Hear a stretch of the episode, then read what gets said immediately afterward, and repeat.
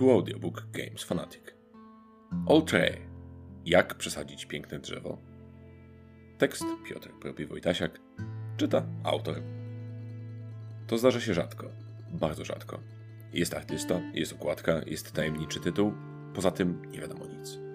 Gdy pierwszy raz zobaczyłem projekt pudełka z napisem Oltre, widziałem tylko kobaltowe niebo, jeźdźców na tle epickiego krajobrazu i font, który elektryzował nie mniej niż towarzyszący mu malunek. Nie widziałem nawet pana Bauzy, ale już wiedziałem, że chcę mieć to u siebie, w domu, na własność i nigdy nie oddać. Z miłości do Vincenta. Mojej miłości do prac Vincenta Dutre tłumaczyć nie muszę. Jestem wobec jego stylu zupełnie bezkrytyczny i mam wrażenie, że za chwilę zacznę kupować nawet pozycje typu Raptor czy Rising 5 tylko dla jego ilustracji. Nie dziwota więc, że Oltre wylądowało na mojej wishliste jakieś 3 minuty po zapowiedzi, składającej się w sumie tylko z okładki. Nie kolekcjonuję jednak okładek. Jeszcze.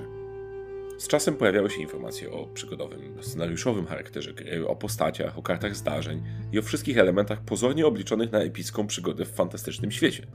Jak ta fantazja wygląda w zderzeniu ze stołem, to znaczy twardą rzeczywistością? Historia na kartach historii. Oltre to kooperacyjna gra dla 2 do 4 graczy, osadzona w nieco generycznym, ale niebywale ślicznym świecie fantazji. Jako grupa zwiadowców przemierzamy ten świat wzdłuż i wszerz, a w zasadzie w koło, ale na planie kwadratu, ratując go przed fantastycznymi potworami, biedą, głodem, powodziami, a nawet burzami czy nastoletnią ciążą. Każdej rozgrywce towarzyszyć będzie scenariusz, jedna z pięciu długich kronik lub jedna krótka wprowadzająca. Oraz talie kart, wyzwań, zdarzeń i problemów, które nie tylko skomplikują nam życie, ale też dodadzą rozgrywce trzeciego wymiaru, pomagając nam lepiej wczuć się w świat przedstawiony. Oprócz fabuły z kroniki, podążającej do przodu w miarę kolejnych ruchów graczy, do zrealizowania otrzymamy kartę zadań losowaną z większej talii. Ukształtują one nieco naszą strategię, a także pomogą nam ukończyć grę starczą, a nie na tarczy. Poznajmy bohaterów. Żadna epopeja nie byłaby pełna, gdyby nie występujące w niej postacie. Tutaj mamy do wyboru aż ośmioro zwiadowców o odmiennych barwach, specjalizacjach i umiejętnościach specjalnych. Specjalizacje ułatwią nam realizację zadań w grze, zaś umiejętności ułatwią nam realizację zadań w grze. Te pierwsze zwiększają szanse powodzenia w testach profesji, dając graczom dodatkową kość. Te drugie pozwalają m.in. przerzucać niefartowne wyniki na kościach, pozyskiwać dodatkowe zasoby, wykonywać bonusowe akcje lub unikać obrażeń w boju. Każda postać ma też inną wytrzymałość, zarówno pod względem jej objętości, ile obrażeń jest w stanie przyjąć, jak i momentów, w którym przyjęte obrażenia sprawią, że utracą swoją unikatową zdolność. To mały myk, ale bardzo tematyczny i mocno dyktujący tempo rozgrywki. Nie zadziała tu bowiem metoda Najana, gdzie bohater bez życia i energii pruje przez siebie na oślep, ciachając mieczem jednego przeciwnika za drugim. Tutaj zbytnie sfatygowanie bohatera znacząco ogranicza paletę jego możliwości. Taki zwiadowca może na przykład zająć się malarstwem, spisać kroniki swoich dziejów, albo po prostu pielęgnować imponujący zarost. Prawdziwą przygodą zajmować się nie powinien. Komu w drogę, temu koń. Mechanika samej gry jest dość prosta. Na początku swojego ruchu gracz rzuca kością, by ustalić kolejną fazę gry. Odkrycie nowej karty kroniki, dołożenie jednej z kart wyzwań czy problemów lub odkrycie karty zdarzenia. Fazy następują po sobie w zmiennej kolejności, po ich torze poruszamy się o jedno lub dwa pola, ale możemy też ponownie aktywować bieżącą fazę. Różne rozgrywki będą więc krótsze lub dłuższe, w zależności od kaprysu fortuny. W swojej turze gracz może wykonać dwie różne akcje, a jeśli zapłaci myto w postaci dwóch bochnów chleba, również akcję dodatkową, która już może powtarzać jedną z wcześniej wykonanych. Do wyboru mamy ruch o jedno pole, rozwiązanie problemu lub wyzwania, pozyskanie zasobu z pola, wznoszenie budynków lub wież i regenerujący odpoczynek, podczas którego, nie wiedzieć czemu, następuje również wypiek chleba. Akcje są łatwe do zrozumienia i decyzje są raczej szybkie. Gra dość jednoznacznie pokazuje nam, gdzie aktualnie jest pożar, więc i tury mijają szybko. Część z kart odczytywana jest przez współgraczy. Występują tu decyzje do podjęcia z adekwatnymi konsekwencjami, a część decyzji, jeśli nie większość, podejmuje się wspólnie, więc oczekiwanie na swoją turę nie jest uciążliwe nawet przy pełnym zestawie graczy. A to ogromny plus. Ahoj przygodo! Grze, mimo jej rzeźkiego tempa, dzieje się naprawdę dużo. Odczytujemy kolejne karty kroniki, rozwiązujemy kolejne problemy, zbieramy kolejne zasoby, wydajemy je tam, gdzie są potrzebne, wznosimy budowlę w naszej twierdzy, pokonujemy wyzwania stawiane nam przez scenariusz i cały czas mam pełne ręce roboty. Kronika wprowadza chyba najwięcej fabularnej głębi.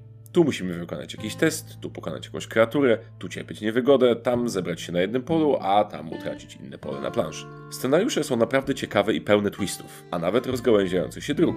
Nie ma tu nudy, a kolejne karty zaskakują, irytują i stresują. Czyli dostarczają nam tej emocjonującej przygody, po którą tu przyszliśmy. Aspekt kooperacyjny leci tu lotem koszącym. Nie ma prostych decyzji, podział roli i obowiązków jest elastyczny i wymuszony przez konkretne sytuacje na planszy. Piętrzące się problemy powodują utratę kluczowego dla nas wskaźnika chwały, którego wyzerowanie powoduje automatyczną przegraną. Należy więc radzić sobie z nimi na bieżąco. Wszelka opieszałość prowadzi tu do niemiłych niespodzianek, gdzie kolejna karta kroniki boleśnie każe nas za zaniedbania. Pola gwarantujące zasoby blokują się, spowalniając nasz rozwój, a wróg i problemy napierają na nas ze wszystkich czterech stron świata, a czasem i od wnętrza naszej twierdzy. Nie ma nudy, podkreślę tu jeszcze raz, i jeśli naczytaliście się opinii, że gra jest łatwa, to najwyraźniej opiniujący nie grał przy moim stole. Tu nie ma prostych rozwiązań, łatwych wyborów ani okresowego bezrobocia. Zwiadowcy biegają po planszy, jakby im ktoś za to płacił. Wszystko na miejscu? Gra prezentuje się jak dzieło sztuki. Dieter na tym etapie jest wirtuozem pędzla i ołówka, a jego analogowa metoda, cyfrowy jest tutaj dopiero retusz, daje rezultaty mnie osobiście kojarzące się z Torgalem i najlepszymi przykładami rysunku komiksowego. Oltre to ogromne pudło pełne szczęścia. Piękna jest tu okładka, piękne są ilustracje w instrukcji, piękne awersy i rewersy kart, nawet znaczniki są tu piękne. A może zasługują nawet na osobne zdanie, bo nie dość, że są rzeźbione z solidnych kawałków drewna, to jeszcze ich nadruk został utrwalony lakierem, grubszym niż kiedykolwiek widziałem w grach. Całość robi gigantyczne wrażenie, ale mimo mnogości elementów rozkłada się dość szybko. Potasować kilka talii, dwie złączyć ze sobą, rozdać po chlebie i jazda, w drogę ku przygodzie. Poza samą planszą i zapasem znaczników, gra nie wymaga wiele miejsca na stole. Poza planszetkami bohaterów, karty i zdobywane żetony mieszczą się na samej planszy i jednej dostawce, którą można dowolnie skonfigurować w zależności od kształtu i rozmiaru stołu. Co więcej, choć w teorii gra nie daje się rozegrać solo, bo karty wyzwań muszą być odczytywane przez innego gracza, zawierając wybory i konsekwencje, to myślę, że w praktyce wystarczy zasłonić dolną połowę karty, by cieszyć się grą na dwie ręce. Poza wyzwaniami nie ma w grze tajnych informacji, więc gra w pojedynkę nie wymaga tak naprawdę żadnych specjalnych zabiegów. O wizualnych i dotykowych, takich jak drewno, lakier czy płótnowany papier w walorach Oltre rozprawiać mogę jeszcze długo. A co z samym mięsem, to znaczy rozgrywką? Przygoda raz! Mechanicznie gra działa świetnie. Płynne i dynamiczne tury, niezbyt obszerne kilkuzdaniowe wtrącenia fabularne, żywe uczestnictwo w ruchach innych graczy to wszystko nadaje grze fajnego momentu, rozpędu. Obcowanie z komponentami jest ultra przyjemne. W grze nie ma też wielu zasad czy mikrozasad, czy wyjątków od wyjątków, więc po kilku ruchach obsługa rozgrywki jest w zasadzie automatyczna. Kroniki nie są napisane jakoś wirtuozersko, generyczny świat fantazy, generyczne przygody i pośród nich jednowymiarowi bohaterowie, ale podają dokładnie tyle klimatu, ile potrzeba, aby wczuć się w świat Oltre. Cała kronika, nawet ta dłuższa, zajmuje w komplecie graczy nie więcej niż 90 minut całkiem intensywnej gry. W czym więc problem? Otóż na całą tę cudowną oprawę i na wszystkie dobrodziejstwa zawarte w pudełku przypada jedynie 5 scenariuszy. Scenariuszy, których nie da się w żaden sposób randomizować czy customizować. Kolejne wydarzenia nastąpią po sobie zawsze w tej samej kolejności. Postawią przed nami te same pytania i te same wyzwania z tymi samymi konsekwencjami za porażki i wygrane. Efekt świeżości czy ewentualne niespodzianki na pewno pozwolą nam przejść każdą kronikę ze dwa razy, ale czy później będą powody, by wciąż wracać do świata Outre?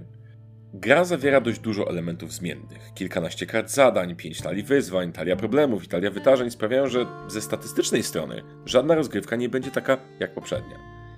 Jeśli jednak przyjrzeć się tym kartom, de facto sprowadzają się do dwóch wymiarów: przeprowadzania testów, czyli rzutu kośćmi, lub wydawania zasobów.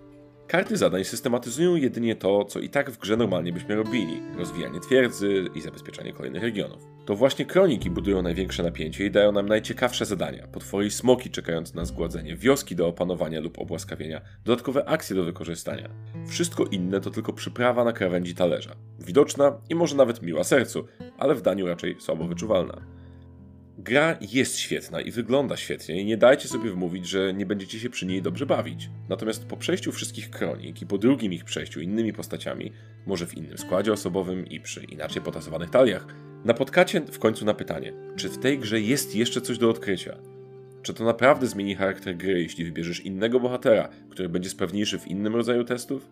Czy przygoda będzie zupełnie inna, jeśli zamiast kamienia opłacisz zadanie ogniem lub zamiast testu rzemiosła wykonasz test podróżnika? A to właśnie będą główne różnice w rozgrywce, bo fabularnie odegrasz te same takty, co za pierwszym i co za drugim razem. Czy to wystarczy, aby usprawiedliwić wydanie 250 zł i trzymać tak ogromne pudełko w kolekcji? I czy wydanie kolejnych dudków na nadchodzące, póki co niezapowiedziane w Polsce, rozszerzenie zawierające trzy nowe scenariusze to rozsądna decyzja? Planszowa teoria i planszowa praktyka. Patrząc z liczbowego punktu widzenia, mamy tu naprawdę mocarnego konia pociągowego. Ponad 200 kart i 8 wzrodowców powinno wystarczyć na długie wieczory pełne wybornej zabawy, bo ilość kombinacji przyprawia zawrót głowy. Z punktu widzenia odkryć, niespodzianek i niewiadomej, gra pozwala się odkryć w dwa, może trzy wieczory niezbyt intensywnego grania. Czy rozgrywanie tych samych historii ponownie ma jakikolwiek większy sens? Czy przyjemna rozgrywka nad piękną planszą może satysfakcjonować nawet wtedy, jeśli wiemy dokładnie, który smok czai się za rogiem, jakiego zasobu zaraz będziemy potrzebować i jak skompletować drużynę, aby stawić czoła wyzwaniom konkretnej kroniki? Nie mam tu gotowej odpowiedzi. Chciałem pokochać Alter całym moim zmuszałym sercem i jest mi zwyczajnie przykro, że jej regrywalność jest w dużej mierze teoretyczna. A przynajmniej do mnie ten rodzaj regrywalności parametrycznej nie trafia. Współczynnik satysfakcji z gry do stopnia jej skomplikowania jest tu poza skalą. Gdyby jeszcze dawała się konfigurować w sposób zupełnie nieprzewidywalny i zupełnie losowy, bez wyrytych w kamieniu obowiązkowych punktów programu, z pewnością zasługiwałaby na mocną dziewiątkę. A może nawet dziesiątkę. A wystarczyłaby do tego talia uniwersalnych kart fabuły, takich, które można potasować i odkrywać w losowej kolejności, która pozwalałaby po ukończeniu kronik grać w trybie free for all. W swojej obecnej postaci Oltre to przecudnej urody gra, której chce się dotykać, na którą chce się patrzeć i którą chce się odkrywać. Niestety jest w niej za mało tajemnicy, tej, która pozwalałaby wracać tu wciąż i wciąż. Oltre to gra dla 2 do 4 graczy w wieku od 10 lat. Potrzeba około 60 do 90 minut na każdy z sześciu scenariuszy. Jej zalety fenomenalna oprawa graficzna, mistrzowskie wykonanie kart i komponentów, płynna, dynamiczna rozgrywka niezależnie od liczby graczy, przystępne zasady. Wady mała liczba scenariuszy w pudełku i duża regrywalność raczej tylko w teorii. Hmm, proszę, udało mi się ani razu nie użyć słowa satrapia. Aż do teraz. Po więcej zapraszamy na www.gamesfanatic.pl koniecznie na koniu i koniecznie z własnym prowiantem.